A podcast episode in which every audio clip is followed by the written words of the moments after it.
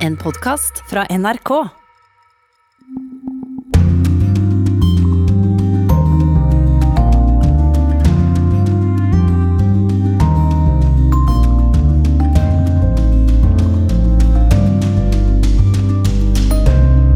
Velkommen til denne spesialutgaven av Urix på lørdag.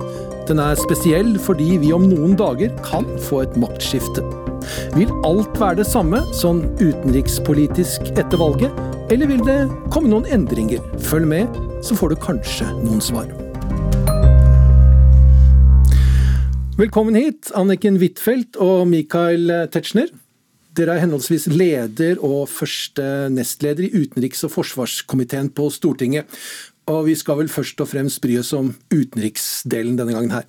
Vi skal ha en samtale eh, og kanskje debatt. Eh, Huitfeldt, du er fra Arbeiderpartiet, og Tetzschner, du kommer fra Høyre. Vi skal altså ha et valg, og har norske valg det med å endre den norske utenrikspolitikken, eller holdes den stødig, Tetzschner? Vi har jo hatt uh, stor grad av konsensus om uh, hovedlinjene i, i, vår utenrikspolitikk og vår forsvarspolitikk. Men vi har jo også gjennomlevd situasjoner hvor uh, interne forhold i Arbeiderpartiet for en stund gjorde oss til et B-medlem i Nato, nesten på linje med Danmark, som sto overfor de samme sterke misforståtte passivitetstrendene. Jeg tenker på dobbeltvedtaket som splittet Arbeiderpartiet. Så Arbeiderpartiet er historisk ikke immune overfor innslag fra sin venstreside. Og vi ser jo også at den venstresiden er blitt mer selvbevisst. Mer enn da SV var med i den forrige koalisjonsregjering, hvor, som ble ledet av, av Jens Stoltenberg. Fordi nå har det også da skjedd en annen interessant og for oss litt urovekkende eh, situasjon. og Det er at SV var den gangen det mest ytterliggående partiet eh, som var, hadde representasjon av betydning. Og Dermed så var det lett å ignorere SVs krav i regjering. De kunne jo til og med demonstrere mot Nato foran Stortinget, og, og man syns i grunnen det bare var en interessant episode. Nå er de i et konkurranseforhold til, til, Rødt, hvor det blir om å gjøre hvor langt de kan presse eh, det som kanskje velgerne eh, stemmer inn, kanskje ikke. Eh, så det kan jo også være slik at velgerne som tross alt skal sette sammen det neste Stortinget, kan tenke gjennom den situasjonen. Så Arbeiderpartiet er ikke immune overfor å forlate den brede konsensus det har hatt med Høyre og andre borgerlige partier. Og jeg mener også at hvis man leser programmet deres, så har det på mange punkter skal vi si, forskuttert det samarbeidet litt. De er vagere, de er mindre prioritert enn tidligere programmer. Huitfeldt? Ja, nå skremmer altså Tetzschner med tiden under Gro. Det var jo forutsigbarhet i utenrikspolitikken, men det var også evnen til å ta selvstendige valg og sette Norges interesse først. Og Det er det som er grunnlaget for Arbeiderpartiets utenrikspolitiske og sikkerhetspolitiske vurderinger opp gjennom tiden. At vi har hatt en atompolitikk hvor vi ikke har tillatt atomvåpen på norsk jord. At vi ikke har hatt utenlandske baser på norsk jord. Mange av disse vedtakene var jo i sin tid kontroversielle. Men det har jo blitt felleseie. Så i utenriks- og sikkerhetspolitikken så er det stor grad av konsensus. Vi skal ikke overdrive uenigheten, men fordi at uenighet kanskje handler om små ord, så blir det nok noe endring i kursen hvis vi vinner valget. Kan jeg bare si, Det var ikke Gro jeg advarte mot. Dobbeltvedtaket. Da, da hun kom, så ble det ordnede. Nei, det var dobbeltvedtaket som var en opsjon og løste egentlig det som, det som var Raul Steens ønske. Altså, dere husker Arbeiderpartilederen som av naturlige grunner aldri ble statsminister, en av de få.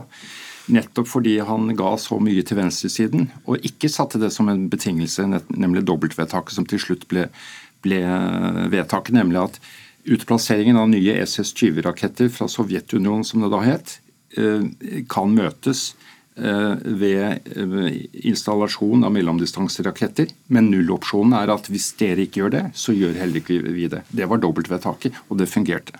Og Det var Gro som ryddet opp i Arbeiderpartiets besære den gangen, og det skal vi være glad for. Senere har vi hatt Stoltenberg. Eh, og da må jeg også si jeg har en annen bekymring, og det er hvorvidt eh, Arbeiderpartiets eh, stilling og Støres stilling i Arbeiderpartiet er av en slik skal vi si autoritet som man trenger for å sette seg gjennom i en eh, koalisjonsregjering, at det ikke også blir eh, klare spillover-synspunkter eh, fra de partiene som er satt i verden for å undergrave Nato, og som hater vestlig samarbeid, og særlig USA, for alt det står for. Nå var spørsmålet mitt egentlig mer historisk enn å gå rett inn i ja, eh, den pågående valgkampen. Mm. Så uh, noe interessante For Jeg har et inntrykk av at de fleste egentlig tenker at utenriksministeren fra forrige regjering kan bare bli sittende, fordi at det, det er en sånn nærmest nøytral posisjon. Det, har dere forståelse for det synet? Ja, det ville vært en veldig god idé. vi vil jo ikke endre kursen totalt, men vi vil jo foreta en del andre prioriteringer. Og Det første er at vi vil ha en mye mer aktiv politikk i nordområdene. Vi slutter jo 100% opp om eh, sanksjonene. Vi skal være og vi skal faste til dette nå. Vi skal til dette og forutsigbare. Vi skal det.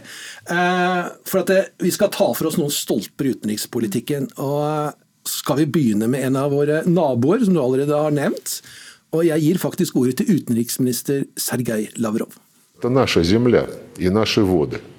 Arktis er vårt landområde og vårt farvann, sa den russiske utenriksministeren Sergej Lavrov under en pressekonferanse med sin norske kollega i mai i år, under et møte i Nordisk råd på Island. Lavrov understreket at Russland har rett til å drive militær aktivitet i Arktis. Men han sa at russiske myndigheter har spørsmål å stille til Norge, som forsøker å rettferdiggjøre Natos økte nærvær i nord.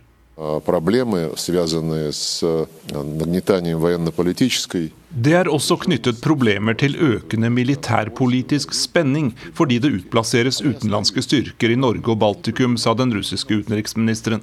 I praksis mener han amerikanske styrker i Norge. Russiske myndigheter sier rett ut at Natos økende aktivitet i og utenfor Norge er en trussel mot Russlands sikkerhet.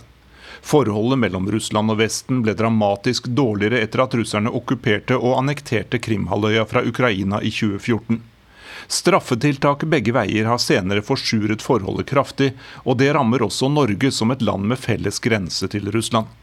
Russiske myndigheter sier at de er interessert i dialog, og våre lands utenriksministre møtes av og til når de er på samme arrangement internasjonalt. Men Lavrov minner om at det må to til for å danse tango. Og det er mer enn sju år siden en norsk utenriksminister var på offisielt besøk her i Moskva. Ja, Vi hørte vår Moskva-korrespondent Jan Espen Kruse der. Og Huitfeldt, burde den neste norske utenriksministeren dra sporenstreks til Moskva? Ja, og det var også mitt råd til utenriksministeren da hun tiltrådte for fire år siden. Vi skal være faste. Vi skal være forutsigbare. Vi skal være mer til stede i nord militært. Vi skal samøve mer med våre Nato-allierte. Men det er ikke noen motsetning mellom denne fastheten og det å innlede en mer konkret dialog. Og Det er mange områder vi kan ta nye initiativer. Vi bør gjenopprette folk-til-folk-samarbeidet. Vi kan starte et nytt samarbeid når det gjelder å ta vare på skog. Vi har felles skog med Russland. Vi kan starte arbeidet med å kartlegge havbunnen i dette området. Så det vi har egeninteresse av, det er å avskrekke, men å ha et pragmatisk, godt samarbeid i nord. Og Det er andre land som har hatt en langt mer aktiv dialog, som Finland Tyskland, enn det Norge har hatt. Det er vår nabo, og det er ingen motsetning mellom dialog og avskrekking. Men det du nevner er barskog og ressursforvaltning eller kartlegging, det virker som veldig små ting.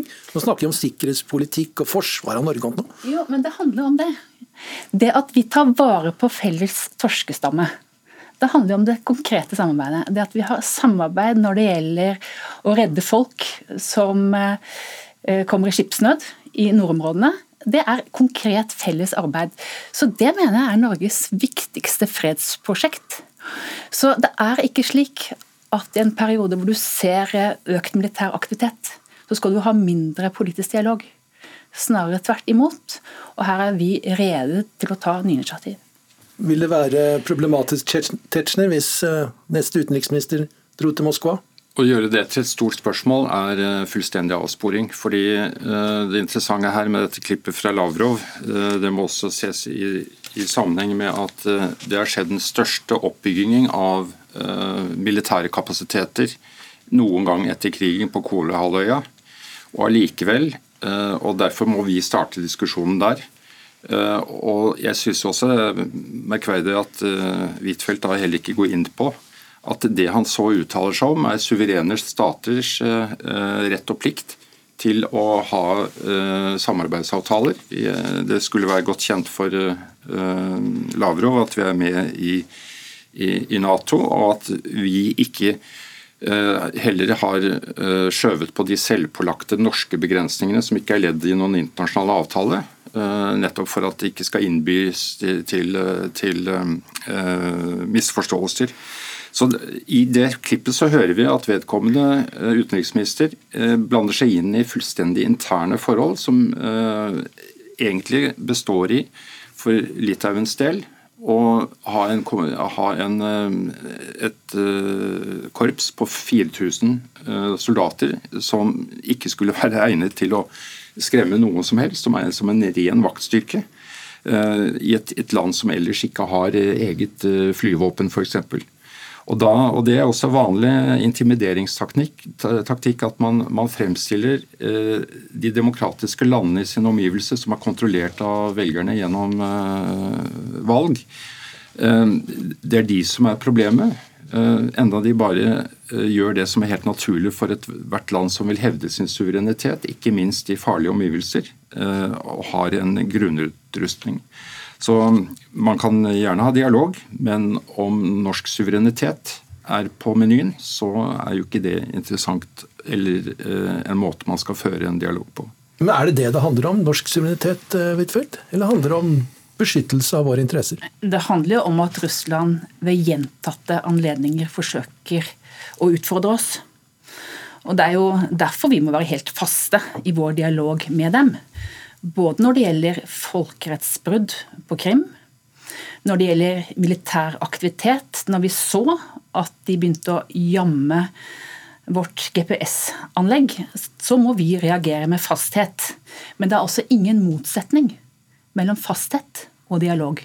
Og Tvert imot så vil jo økt dialog gi oss anledning til å ta opp menneskerettighetsbrudd ta opp folkerettsbrudd. Og Det er jo i dette perspektivet jeg mener at denne regjeringen ikke har den rette balansen. Vi er stort sett enige, men vi vil ta flere initiativer. For dette er vårt viktigste strategiske område.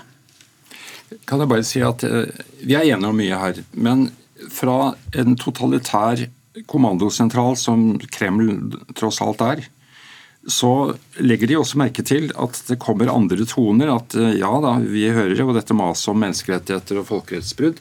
Men i tillegg så sier de at nå skal det åpne for folk-til-folk-samarbeid, som vi vet eh, ikke skjer uten at det er regissert fra en sentralt styrt makt. Og Det har vi også selv sett, eh, vi som arbeider litt i baltisk parlamentarisk forsamling. Eh, hvordan man har skiftet ut de vi eventuelt skulle hatt et eh, lokalt samarbeid med. Altså Lokalpolitikerne fra nordområdet, altså de russiske grenseområdene, de er skiftet ut til fordel for Putins sentraldirigerte folk. Og, de, og det er ikke folk-til-folk-samarbeid når man treffer disse. Og Bare det å sende inn vanlige journalister for å drive med vanlig reportasje, der blir eh, man altså nødt til å registrere seg som utenlandsk agent. Så det er klart at eh, hvis, eh, en, hvis, hvis, man er i stand til å gjøre noen endringer på de rammebetingelsene, så kan man begynne å snakke om et nærmere eh, horisontalt uh, utvekslingsprogram. Men man kan ikke begynne med dette som fasiten. Sender vi et signal om at uh, vi har lyst til å glemme alt gærne der, for vi har så lyst til å snakke med dere, med å møte opp i Moskva? Da jeg var i Moskva sammen med Tetzschner, så var det jo stikk motsatt. Vi var jo helt tydelige på dette. Den første norske statsråden som dro til Russland under eh, den nåværende regjering, sa at han ville dra, men han ville ikke ta opp menneskerettighetsspørsmål. Og det blir på en måte det verste. Så vi skal dra, og det gir oss anledning til å ta opp disse menneskerettighetsspørsmålene på samme måte som vi gjør det med veldig mange andre land. Men det blir jo litt underlig å høre på Tetzschner i denne diskusjonen når det han kommer trekkende med, er det som hører i denne valgkampen. Det er stort sett skremsler. Frank Bakke-Jensen har jo sagt at han vil heie fram initiativer i nordområdene. Men jeg mener en eh, regjering bør være mer enn en heiagjeng. Det må stake ut kursen. Og Det finnes altså konkrete samarbeidsprosjekter. Vi satte i gang under regjeringen Stoltenberg. Vi vil ta nye initiativer nå. For det er altså ikke noen motsetning mellom avskrekking og beroligelse. Vi bør gjøre begge ting på en gang, i stolt norsk tradisjon. Det var det siste kan, som ble sagt. Kan jeg bare si der at vi, vi, har nok Du må forveksle meg med en annen, for vi har ikke vært i Moskva sammen. Men var ikke. Da får- Men var med. Da får vi finne ut av det, men, jeg, er Tetzschner. veldig, jeg er veldig for at man alltid har de diplomatiske kanalene åpne. Eh, Men nettopp eh, vi har et profesjonelt, godt trent diplomatisk korps som er i stand til å høre litt forbi eh, skåltalene og eh, flotte programerklæringer. Jeg tror jeg, jeg også kan. Vi skal innom et annet område nå, som stort sett egentlig handler om forrige tema, faktisk. Det er det Russland. Og denne gangen hvordan lille Norge skal forsvare seg mot den mektige naboen i øst. Og da tenkte jeg militært forsvar, ikke bare med ord og diplomati. Og jeg gir faktisk ordet til professor Magne Skodvin. Når vi kommer fram til de nordiske forsvarsforhandlingene, da er det helt klart at jeg har nådd et, et nytt stadium. Da tenker, de, tenker folk over sånn praktiske røynsler fra krigen. Og da sier alle de statsmennene som diskuterer dette, på en eller annen måte at um, det spiller en avgjørende rolle at særlig da Sverige på den ene sida og Danmark-Norge på den andre hadde hatt så ulik utvikling i krigstida. Ja, Dette var fra 1975, og det professor Skodvin snakker om, er hvordan samtalen om et nordisk forsvarssamarbeid falt i fisk rett etter andre verdenskrig. Så dette her har vi drevet på med ganske lenge. Tetzschner, nordisk forsvarssamarbeid det er jo egentlig bare en god ting, er det ikke det? Jo, og det, det Jeg vet ikke om jeg liker uttrykket 'heie på', altså fordi det høres ut som å bare stå på sidelinjen og se andre gjøre noe. Det er vi eh, opptatt av. Samtidig så vil de fem nordiske land, hvor særlig fire berøres, eh, være begrenset når det gjelder å tenke seg hele konfliktspekteret. Eh, ved å f.eks. ha en innøvd operasjon i alle tenkelige situasjoner og en felleskommando, fordi vi har forskjellig alliansetilknytning. Vi ser at Sverige har utbygget nå i, full åpenhet gode og brede samarbeidsavtaler med, med USA direkte. Et spor vi også følger med den nylig inngåtte avtalen vi har med USA, som vi kan komme tilbake til. Men, men, det vil alltid være en ytre begrensning når Finland og Sverige står utenfor alliansen. og dermed ønsker jo heller ikke vi at det blir skapt uklarhet om artikkel 5. At det er, det er den gjelder mellom de Nato-landene som har skrevet under på pakten, og, og, som er en del av den.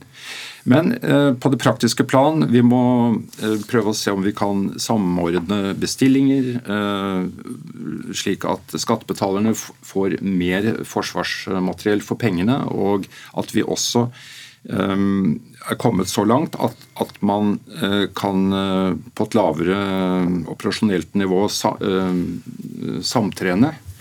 Det, det, var en årlogskaptein som fortalte meg, en dansk årlogskaptein som fortalte meg at, at det utløste note da han begynte som ung sjøoffiser, da at i Øresund gikk noen kilometer, eller noen, noen hundre meter innenfor den svenske sjøgrensen. Slike hindringer har man ikke lenger for å se hverandres kapasiteter i, sammenheng. Så jeg forstår at motstanden mot et nordisk forsvarssamarbeid, eller kanskje altså betenkeligheten, er at du har en veldig stor aktør som ikke er i Norden, og det er USA. Og alt som gjøres her med forsvar, det må koordineres med dem. Forstår jeg det riktig da? Det, det Nei, det er først og fremst Nato. Altså, NATO, ja, NATO, men Og Nato, NATO er, er jo europatungt ja. når, det, når det gjelder antall land. Ja. Og nærhet, ikke minst med tanke på Storbritannias uh, kortere vei og, og det innøvde samtreningsopplegget vi gjennom år har hatt med Canada. Så er, altså, Vår hovedpilar er og blir det transatlantiske forsvarssamarbeidet. Og Så suppleres dette nå heldigvis gjennom Norges nylige tilknytning til Det europeiske forsvarsfond, som igjen går, går ut på ikke å operere sammen i et krigsscenario, men rett og slett å samordne våpensystemene, sånn som man i en gitt situasjon kan trekke på hverandres kapasitet. Huitfeldt, det var egentlig en lissepasning til deg jeg forsøkte, men Tetzschner er flink til å ta ordet. Det husker jeg, så Du var byrådsleder i Oslo faktisk for veldig mange år siden. Så Nordisk forsvarssamarbeid det har liksom vært på Arbeiderpartiets eh, meny veldig lenge, har det ikke det? Et ønske om det? Altså, Nato-medlemskapet vårt legger jo noen begrensninger men ikke som under den kalde krigen. Så vi etablerte jo en egen sånn solidaritetserklæring for ti år siden. Som ikke har samme juridiske betydning som artikkel 5, at det er et angrep på én er et angrep på alle, men som i realiteten handler mye om det samme. For det som er vi som driver med sikkerhetspolitikk er engstelige for, er at hvis vi får en konflikt som er for liten for Nato, men for stor for Norge. Og da er vi helt avhengig av samarbeid med våre nordiske land. Og nå får vi forhåpentligvis, da, hvis det går som jeg ønsker, nordiske statsministre i både nei, sosialdemokratiske statsministre i både Sverige, Finland og Danmark. Og det er jo helt nye muligheter til å lage nye slike erklæringer, til å fylle det med konkret innhold. Og la, la meg ta ett eksempel. da. Vi har jo de selvpålagte restriksjonene i nord som gjør at vi ikke tar allierte soldater til Øst-Finnmark. Vel, la oss lage en nordisk øvelse der. Som er med våre venner i de nordiske landene. Det vil etter min mening være et veldig viktig supplement til Nato. Og det er jo slik at både Finland og Sverige er mer integrert i Nato enn noen gang. Så her mener jeg at regjeringen ikke ser det som er mulighetene til å etablere et mer forpliktende nordisk samarbeid ved siden av Nato. Men Hva skulle være for stort for Norge og for lite for Nato hvis det inkluderer væpnede styrker fra andre land i Finnmark? Altså, hva, hvilken situasjon er det du tenker på her? Ja, altså Det kan jo være hybride angrep. Hvor man ikke helt eh, ser at dette er brudd på artikkel 5. Det kan være cyberangrep. Og det kan være angrep som er mindre i vår region, og så ser man større angrep i en annen region. Og den geografiske nærheten mellom Sverige, Finland og Norge er veldig liten. Slik at de kan veldig lett komme og bistå oss. Ok, Så hvis dere får makten, så kan det bli finsk, dansk, norske øvelser i Øst-Finnmark? Altså, vi vil se på mulighetene for mer samarbeid. Vi laget den solidaritetserklæringen sist vi satt i regjering. Og jeg mener at den nåværende regjering ikke har vært aktiv nok for å etablere mer forpliktende nordisk samarbeid. Da har jeg egentlig lyst til å gå tilbake til første spørsmål. Ville ikke eh, Russland se det som en provokasjon, hvis plutselig det var danske soldater i Øst-Finnmark? Ville ikke se at jaså, hva er det nordmennene tenker på nå? Hva er eller misforstår jeg? Jeg tror uansett at når det gjelder disse selvpålagte restriksjonene, som har vært med oss i mange år, så er det veldig viktig at vi ser på de i et nytt lys. Fordi at vi må se på hva kan skape beroligelse i vår tid. Og Det er ikke nødvendigvis slik at geografiske begrensninger er det riktige nå. Og Dette vil vi gå inn i. Hvordan kan vi i dag både ha en god avskrekking, men samtidig skape beroligelse. Så dette er et stort område som vi er klare til å ta fatt på. Kan jeg bare si der at eh, jo da, det er spennende tanke. Nå har man jo allerede pådratt seg eh, misnøye fra eh, Eh, Russland. Det gjør man jo i forbindelse med hver av de større eh, militærøvelsene. En av de, de skjer godt nede i det sentrale delen av den skandinaviske halvøy. Og Der har jo også svenske styrker vært med i, i, i Nato-regisserte øvelser. Um, men eh, en viktig forutsetning for å få alliert assistanse, det står jo også i Nato-pakten, at man skal sørge for å også ha et eh, permanent nasjonalt forsvar som eh, nettopp kan håndtere eh, mindre problemer uten å påkalle hjelp. Og Det er derfor man for første gang på mange år under denne regjeringen har etablert et Finnmark landforsvar. Man setter opp en bataljon med utgangspunkt i Porsangmoen. den blir også mekanisert og pansret. Eh, slik at eh, vi gjør ting på egen kjøl som ikke selvfølgelig er i brudd med de selvpålagte begrensningene. Når det så gjelder eh, denne spekulasjonen om at cyberangrep liksom ikke er så farlig og er tilhører en mellomkategori, så, så vil jeg bare minne om at også cyberdomenet er nå definert som et mulig angrepsdomene på linje med det vi kjenner fra gammelt. Land, sjø, luft.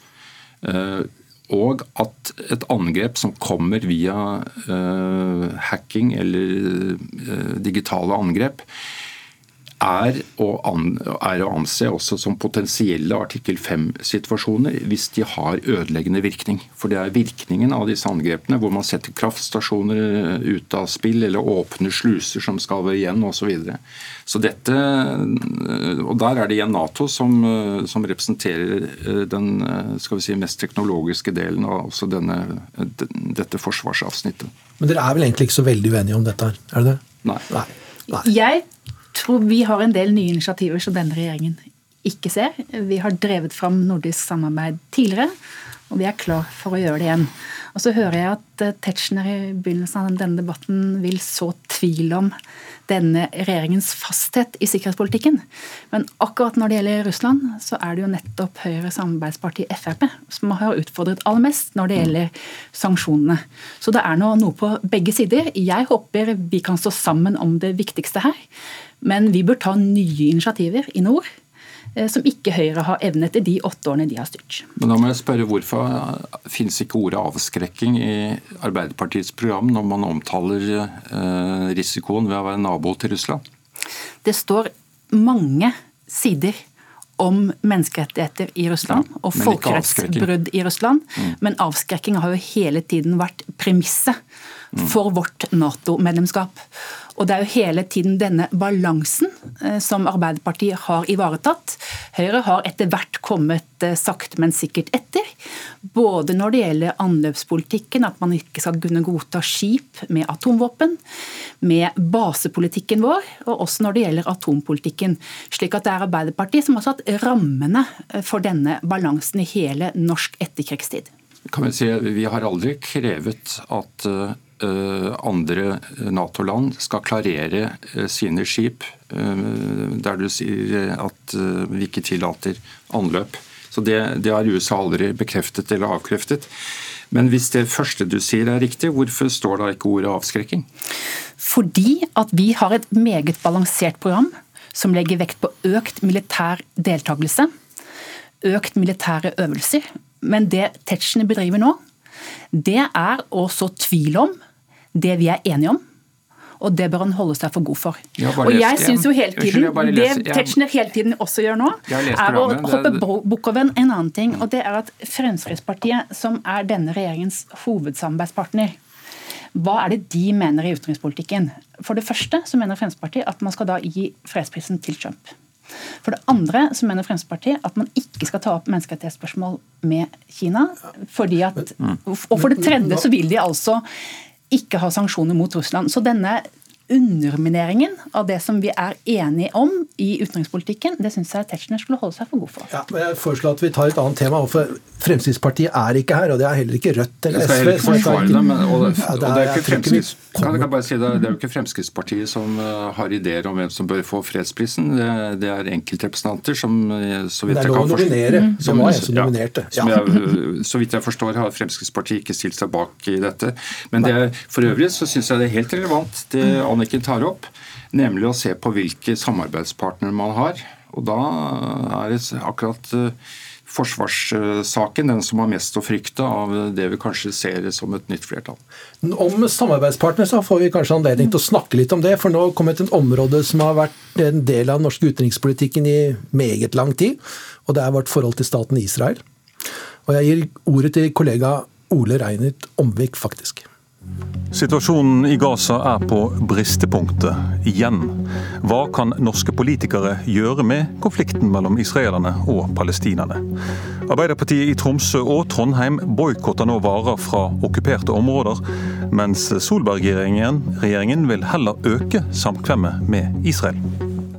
Ja, Dette var fra et politisk kvarter i 2018. Og jeg tror jeg kunne spadd fram en god del lignende fra andre år. Og Huitfeldt, dersom dere kommer i posisjon nå, kommer dere til å være hardere i klypa enn det Solberg-regjeringen har vært overfor eh, Israel? Det viktigste vi kan gjøre, er å bidra til mindre konflikter på palestinsk side. At de avholder et valg. De har ikke hatt valg på mange, mange år. Og når det gjelder politikken overfor Israel, så må vi ha den samme fastheten når de begår folkerettsbrudd, som det Russland gjør. Og det vi ba om i 2014, ba å si at varer som er produsert på okkupert land, det bør vi ikke handle. Den gangen så sa høyreregjeringen at de ville utrede et slikt forslag. Det har de altså brukt sju år på å gjøre. Så det vi vil, er jo å handle med Israel. Men vi mener det er galt å kjøpe varer som er produsert på okkupert land. Vi vil alltid ha en rolle i denne konflikten, men det viktigste vi kan gjøre nå, det er å hindre økt konfliktnivå på palestinsk side og bidra til at det avholdes et palestinsk valg. Og ha de samme standardene når det gjelder folkerettsbrudd når vi samhandler og samtaler med Israel. Vil en boikott hjelpe? Boikott av varer, vil det faktisk hjelpe? Jeg tror ikke på boikott. Vi skal handle med Israel. Eh, Israel innenfor grensen fra 1967 er anerkjent. Det er vel ingen land i verden vi har total boikott av. Så Det vil være fullstendig galt. Men det som er viktig for oss, er jo at varer som er produsert på okkupert land, er jo ikke en lovlig del av de varene vi importerer til Norge. For vi har inngått handelsavtaler med Israel innenfor anerkjente folkerettslige områder. Så Det som er viktig for oss, er jo at handelspolitikken skal være fast, og det er at vi ikke kan eh, produsere varer som er produsert på okkupert land. Ikke kjøpe varer som er produsert på okkupert land. Ja. Det er du vel enig i, eh, Tetzschner? Ja, Det vil jo være en partiell uh, vareboikott av, av Israel, og lite tjenlig. Eh, særlig sett i sammenheng hvor, mange andre eh, land som Arbeiderpartiet tydeligvis helt uproblematisk gjerne vil utbygge forholdene til i samme område, som jo bryter helt elementære menneskerettigheter hver dag. Og, og, og, som uh, knapt har valg, og ikke reelle valg, som har dødsstraff. Altså, vi snakker om i så fall menneskerettighetsbrudd i en helt annen klasse. Uh, men det er jo folkeretten som legger rammer her, ikke ja, menneskerettighetene. Men... Og dette, dette, vet du, Tetzschner. Dette er jo folkeretten. altså Når vi har disse sanksjonene knyttet til Krim, så handler jo det om anneksjon av Krim. Når vi eh, lot Israel bli med av OECD, så var det jo helt klart fra norsk side at vi sa at det var Israel innenfor anerkjente grenser, og ikke Israel innenfor de områdene som de har okkupert fra palestinerne. Så denne doble standarden du har når det gjelder Israel sammenlignet med andre land, det syns jeg er veldig problematisk, spesielt i en tid hvor vi ser økende stormaktsrivalisering, hvor vi ser at menneskerettigheter og folkerett er under press, så må vi ha samme standard uansett eh, hvor det er. Du overser en viktig forskjell, og det er at eh, grunnen til at uh, Israel har satt seg fast på disse områdene, det var at de vant disse områdene militært etter seksdagerskrigen i 1967. Så de, eh, Hvis du sammenligner med Krim, så er det vel heller å sammenligne med at man eh, aksepterer at Russland sitter på polske områder uh, som de ikke har gitt tilbake til Polen. Og som de fikk som en gevinst av sin avtale med Hitler. Det har hele den vestlige verden og resten av verden altså akseptert som et utfall av, av krigshandlinger. Det som da skjedde på Krim, var jo nettopp at man flyttet grensene. Man gikk til et uprovosert eh, angrep og flyttet grensene på de måtene, den måten. Så Det er altså en viss forskjell eh, internasjonalt om du har fått land som eh, som resultat av en militær seier etter at du selv har angrepet. Det er jo derfor man har akseptert disse anneksjonene som har gått utover Polen. Ehm, men eh, det stiller seg annerledes hvis man selv er, dette, er aggressor. Er dette regjeringens utenrikspolitikk? Jeg har aldri hørt eh, utenriksministeren fremføre den type originale resonnementer. Nei, men det var dine resonnementer du selv må uh, føre til ende. og Det er derfor jeg sier at uh, historisk sett så blir det dårlige paralleller å trekke. Har dere sånne samtaler i utenrikskomiteen, dere to? Sånn, sånn som det? Det, hvor det går ned på teknikalitetene. Sånn, det er kun på reiser. Kun på reiser, kun på reiser. Nei, men det er klart at Norge spiller en veldig viktig rolle i denne konflikten. og vi er leder av giverlandsgruppen. Og en liten justering av det som er norsk politikk, vil stå på veldig stor oppmerksomhet internasjonalt. Når denne regjeringen f.eks. har kutta i støtten til palestinske flyktninger, så får jo det ingen oppmerksomhet i norsk presse, men det får veldig stor oppmerksomhet internasjonalt. Og spesielt da i israelsk og palestinsk presse. Eh, og når jeg diskuterer denne saken med utenriksministeren, så har hun litt annen holdning da, enn det Tetzschner har. Jeg er litt eh, overrasket over at han ikke tydelig påpeker at det er en folkerettsstridig okkupasjon som Israel har bedrevet. Det må være hevet over enhver tvil.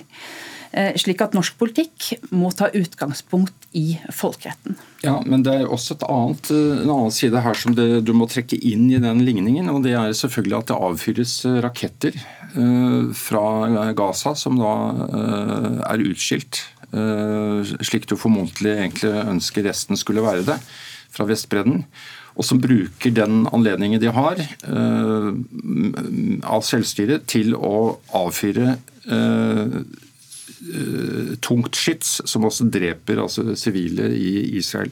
Og Så kan vi igjen se på historien og se da Egypt eh, forhandlet frem en avtale med Israel, som begge parter har holdt seg til, så fikk de altså tilbakeført en annen del av det som eh, Israel satt på etter seksdagerskrigen, nemlig hele Sinai, ørkenen og halvøya. Og det er også altså Nå skal ikke jeg Du tvinger meg altså da Uh, det, er ingen som, Tetzschner, det er ingen som vil tvinge deg til å eh, gjøre, gå inn i nei, noen av de lange tingene. Nei, jeg, jeg, mener at Hvis vi først skal ha et balansert eh, syn, så må vi ta med hele regnestykket, hele ligningen, og, det, se, og se, det fra begge parter. Og Det får vi dessverre ikke tid til her. for I hvert fall ikke når det gjelder temaet her. Nei. har jeg lagt, med, lagt, merke til gjennom en del år i utenriksjournalistikken, at det får du ikke til. Så da tror jeg vi går videre eh, til det virkelig store temaet. Så gir jeg ordet til Tove Bjørgaas. Det verste angrepet mot USA noensinne skjedde 11.9. for 20 år siden. Møt de som opplevde terroren på kroppen.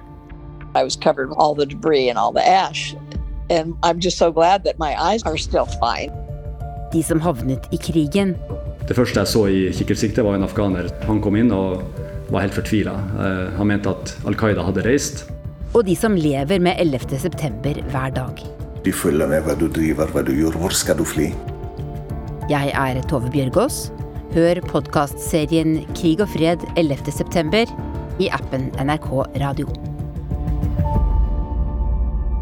Ja, da fikk vi her i NRK også sendt litt reklame, så det er jo veldig bra. 11.9 var startpunktet på en epoke i verdenshistorien, mye dominert av de amerikanskledede krigene. Denne uken sa den amerikanske presidenten Joe Biden, da han annonserte at nå er USA ferdig med Afghanistan, at vi har kommet til en ny epoke, at verden har endret seg. Og han pekte den talen på Kina. Så spørsmålet til dere er egentlig hvordan skal lille Norge orientere seg i denne nye verden, preget av en stormaktskonflikt mellom USA og Kina? Huitfeldt. Jeg tror det er viktig at vi definerer hva som er norske interesser i denne konflikten. Hvis ikke blir vi drevet av andre. Og det er ikke sikkert det er slik at vi har interesse av at sikkerhetspolitikken gjøres om til handelspolitikk. Vi har all interesse av at tvister mellom stater avgjøres av punkt 1 folkerett, som Tetzschner nå stiller spørsmål ved. Det andre er at tvister det skal vi avgjøre i internasjonale organisasjoner. Eh, og hvis vi har sett de siste årene utviklingen i handelspolitikken, så har det i økende grad blitt en konflikt mellom Kina og USA. Vi ønsker at disse tvistene skal avgjøres innenfor rammen av Verdens handelsorganisasjon. Men hvis vi ser Kina da, globalt sett, så er jo de i ferd med å kunne tilby en alternativ vekstmodell for veldig mange land. Hvis vi drar til Mosambik, hvis vi drar til Malawi, så er jo parlamentet deres jo bygget av kinesere. Og i en slik verden så er det veldig viktig at vi står sammen med våre europeiske allierte omkring menneskerettighetsspørsmål. Og da er det klart at presidentskiftet i USA det er jo betryggende for Norge. For da har jo vi en helt annen styrke til å gå inn i eh, disse spørsmålene. Så handelspolitikken må være regulert. Vi har ingen interesse av økt stormaktsrivalisering, og vi må definere helt klart hva som er norske interesser.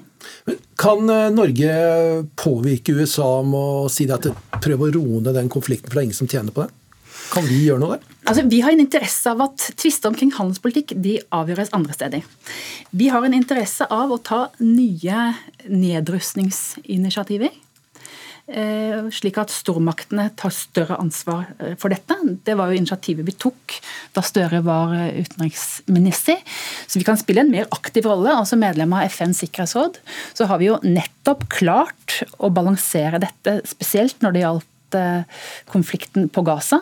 Og mitt håp da, er jo at når det gjelder konflikten i Afghanistan, så kan det faktisk nå være en mulighet til at vi kan lage noen felles standpunkter da, sammen med Russland, Kina, USA. Vi har jo ingen interesse av at dette blir et oppmarsjområde for internasjonal terrorisme igjen. Når det gjelder Afghanistan, mm. nå skal jeg ta Kina. Eh, Tetzschner, eh, hvis nå det kommer en president i USA som sier at enten er du med oss eller er du mot oss når vi nå skal agere mot Kina, hva skal Norge gjøre da? Skal vi liksom holde oss til USA, for det er jo vennen vår, eller skal vi prøve å gjøre noe annet? Ja, Men det er jo ikke problemstillingen. Altså, I så fall er den hypotetisk, og da tror jeg man skal begynne å diskutere eh, andre mer nærliggende tenkte situasjoner. Det beste Norge kan gjøre som et lite land, og jeg er enig i det som ble sagt om at eh, vi av alle har interesse i fredelig tvisteløsning og internasjonale um, mekanismer som sikrer rett fremfor makt. Um, og for nye lyttere uh, jeg kan berolige med at jeg er en stor tilhenger av folkeretten, men den må også kunne håndheves. Um, det beste Norge kan gjøre, det er å få et norsk medlemskap. Også fordi Europa kommer til å ta mer av ansvaret for sikkerhet, ikke bare forsvar, men sikkerhet i sitt område.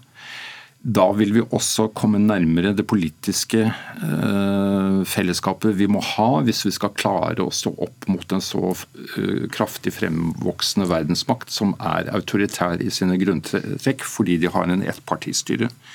Så jeg vil si la oss bygge ut eh, alle de forbindelseslinjer vi har med våre nære. Norden er bra, og det skal vi fortsette med. Men realiteten er at det viktigste politiske fellesprosjekt, også når det gjelder klima, er EU i vår verdensdel. Og så er det uten å svekke det atlantiske eh, fellesskapet som vi alltid har basert oss på. Da kan vi begynne å, å, å håpe på å være med. Det at Norge tar e, enkelte initiativer, eh, det tror jeg knapt blir lagt merke til hvis vi melder oss ut av eh, eller, eller ikke viser vilje til å være med i forpliktende politisk samarbeid i vår verdensdel. Så bare symboler, altså, Huitfeldt, det du snakker om?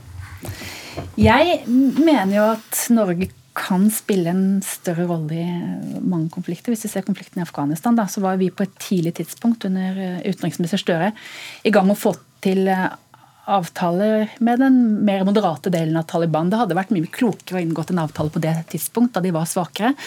Og så kan man kalle det utopi, og det gikk ikke den gangen. Men jeg mener at den type initiativer er i Norges interesse å ta. Eh, fordi at hvis vi i en del konflikter kan bidra til å bilegge en strid, få politiske avtaler, så vil vi bringe verden framover. Det var ingen eh, militær løsning på konflikten i Afghanistan. Den kunne bare løses gjennom en politisk avtale, og det var jo først og fremst der vi sviktet. Men Det ble sagt her at det beste vi kan gjøre i denne usikre verden, det er å tette, eh, knytte oss tettere til Europa, europeisk medlemskap. Syns du at det er tingen, veien å gå? Det er vel ikke på dagsordenen nå, men vi ser jo at det politiske samarbeidet med EU har blitt viktigere. Både når det gjelder klima, kommer til å bli enda viktigere i tiden som kommer. Når vi fikk noen handelsproblemer med USA under Donald Trump, så var EU viktig. Og jeg mener også i sikkerhetspolitikken. Fordi at vi ser at en del land vil kjøpe opp havner, vil investere i infrastruktur. og Dermed så får vi felles interesser med veldig mange europeiske land. Så det politiske samarbeidet med EU kommer til å bli viktigere i årene som kommer. Og det kommer en eventuell regjering ledet av Arbeiderpartiet til å opprettholde. Det nære samarbeidet med EU og ja, dens institusjoner. Og vi er jo helt avhengig av det. Når vi skal få til gode klimaavtaler, så er det de europeiske landene vi må forholde oss veldig nært til. Vi nærmer oss faktisk slutten av denne Vi hadde veldig mye, mange minutter, men det har vi greid å, å, å bruke. Det er en stor verden, vet du. Jeg tror vi har to minutter igjen. Ett minutt til deg, Tetzschner. Du klarer den ikke? jo da.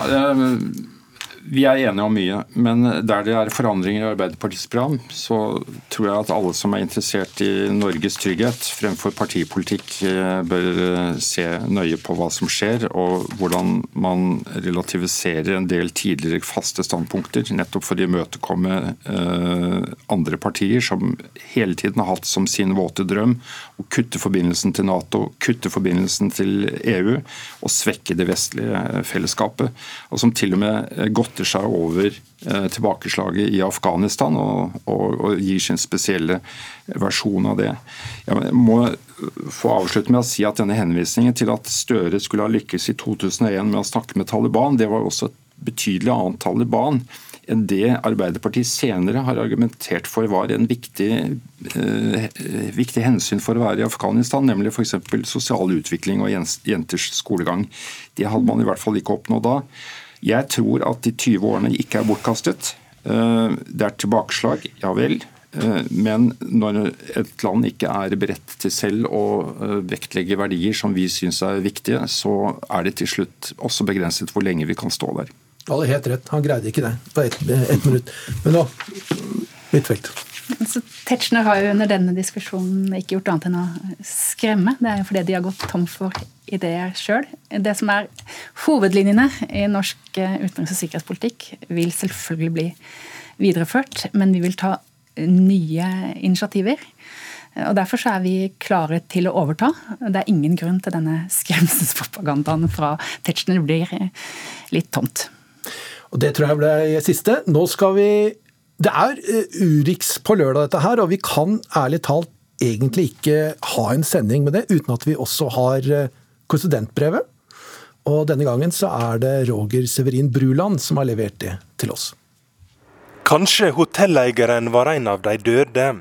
Jeg hadde fulgt Google Maps til døra. Jeg burde kanskje ha skjønt det der jeg kjørte slalåm mellom sammenrasa gangbruer og heimar. Det er alltid krevende å forstå omfanget av slike naturkatastrofer som råker Reinland-Pfalz. Relativt små elver hadde skapt til ragnarok midt på svarte natta. Folk hadde drukna i sengene sine i den idylliske landsbyen Bad Neuenar. Og det var der jeg hadde bestilt et hotellrom for å være i posisjon for å levere rapporter om redningsarbeidet. Hotellet hadde til og med tatt førehandsbetaling. Slik er det jo i denne verden vi lever med økende automatisering. Men vel framme var strømmen gått i hele nabolaget, og inngangsdøra fylt av gjørme.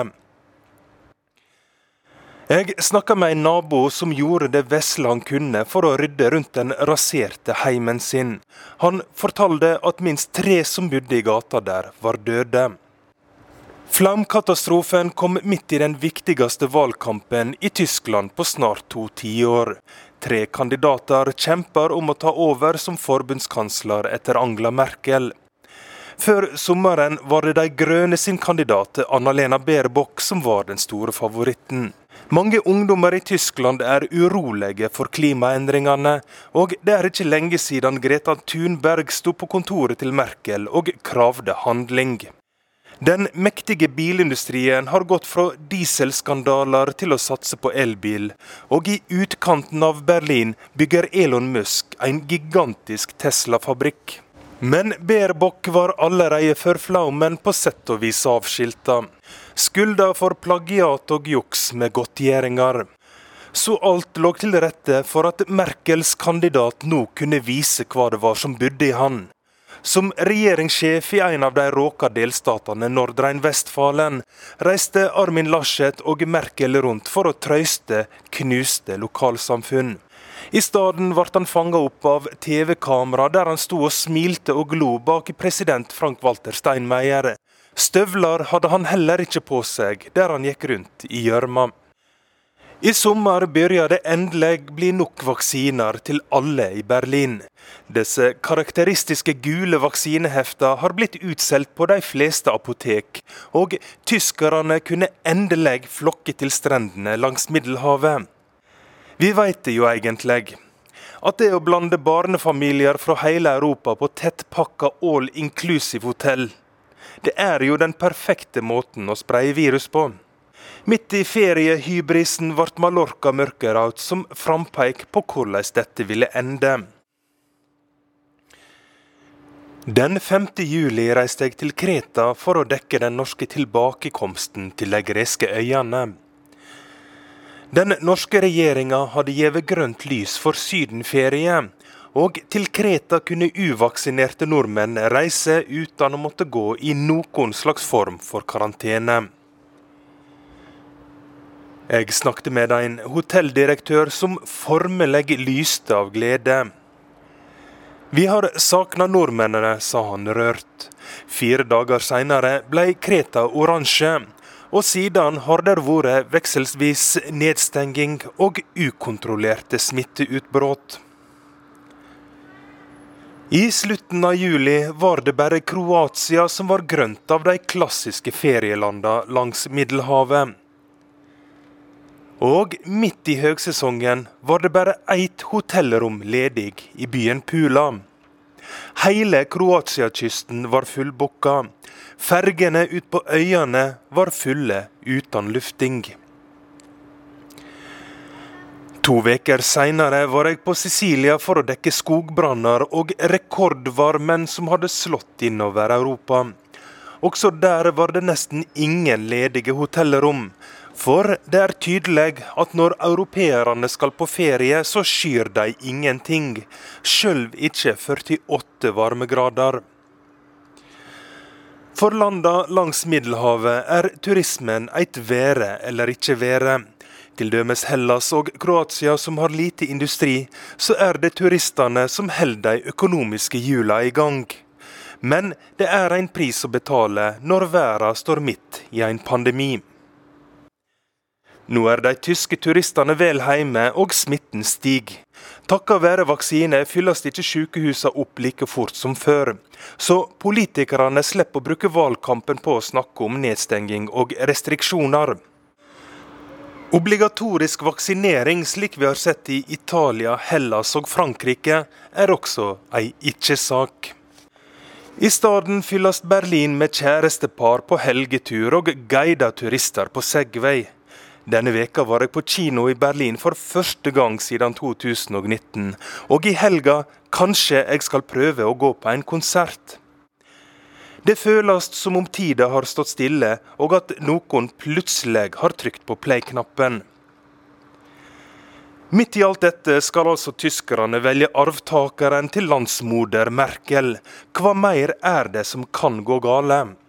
Den skrekkelige finalen kaller magasinet Der Spiegel det. Mange berlinere husker fremdeles det å vokse opp i en utbomba by, og om foreldre som måtte leve med nederlag og skam. Kabuls fall treffer derfor en vond nerve i Tyskland. Angela Merkel kaller det et bittert endelikt. Det virker som alt var forgjeves, sa hun under en pressekonferanse 16.8. Ved Ramstein-flybasen hadde det amerikanske flyvåpenet satt opp flere hundre telt på rullebanen for å huse afghanske evakuerte som skulle videre til USA. Over hovedet mitt landa det ene transportflyet etter det andre. Inne i en hangar var tusenvis av evakuerte registrert. Skadde fra bombeangrepet ved Kabul flyplass fikk behandling ved et sykehus i nærleiken. Alle de evakuerte jeg snakka med, hadde familie tilbake i Afghanistan som ikke hadde klart å komme seg ut. I lokalsamfunnet rundt var det mange som ville hjelpe med bleier og tåteflasker til de minste. Det er visse gjenstander de militære ikke har i beredskapslageret sitt, som damebind, bleier og tåteflasker. Over 20 paller med hjelp hadde blitt samla inn og levert til de amerikanske soldatene. Men hva skjer med denne godviljen, skulle afghanerne bli værende i Tyskland, sa en lokal mann til meg spørjende. Innvandring er et betent tema i Tyskland. De etablerte partiene frykter at en ny flyktningstram kan bli en gavepakke for de høyreradikale i innspurten av valgkampen. Kanskje er det derfor sosialdemokratene sin kanslerkandidat har blitt så populær. SPD har i regjering med Merkel sakte, men sikkert tapt terreng. Scholz blir kalla kjedelig og robotaktig. Til det har han lakonisk svart at han stiller til valg som forbundskansler, ikke sirkusdirektør. For Scholz har skjønt at stabilitet og kontinuitet kanskje er det viktigste prinsippet i tysk politikk. Og i ei tid med omveltinger er det nok mange som lengter etter det trygge, uansett hvor fargeløst og kjedelig det måtte være. Du har hørt en spesialversjon av Urix på lørdag. Vi kommer tilbake neste lørdag. For å få timene til å gå i mellomtiden, vil jeg på det sterkeste anbefale deg å høre på podkasten Krig og fred 11.9. Den første av seks episoder er nå ute. Du får den bl.a. på NRK podkast. Teknisk ansvarlige for denne sendingen var Finn Lie og Bobbo Bjørnskjold. Producer var Arild Svalbjørg. Jeg er Halvard Sandberg.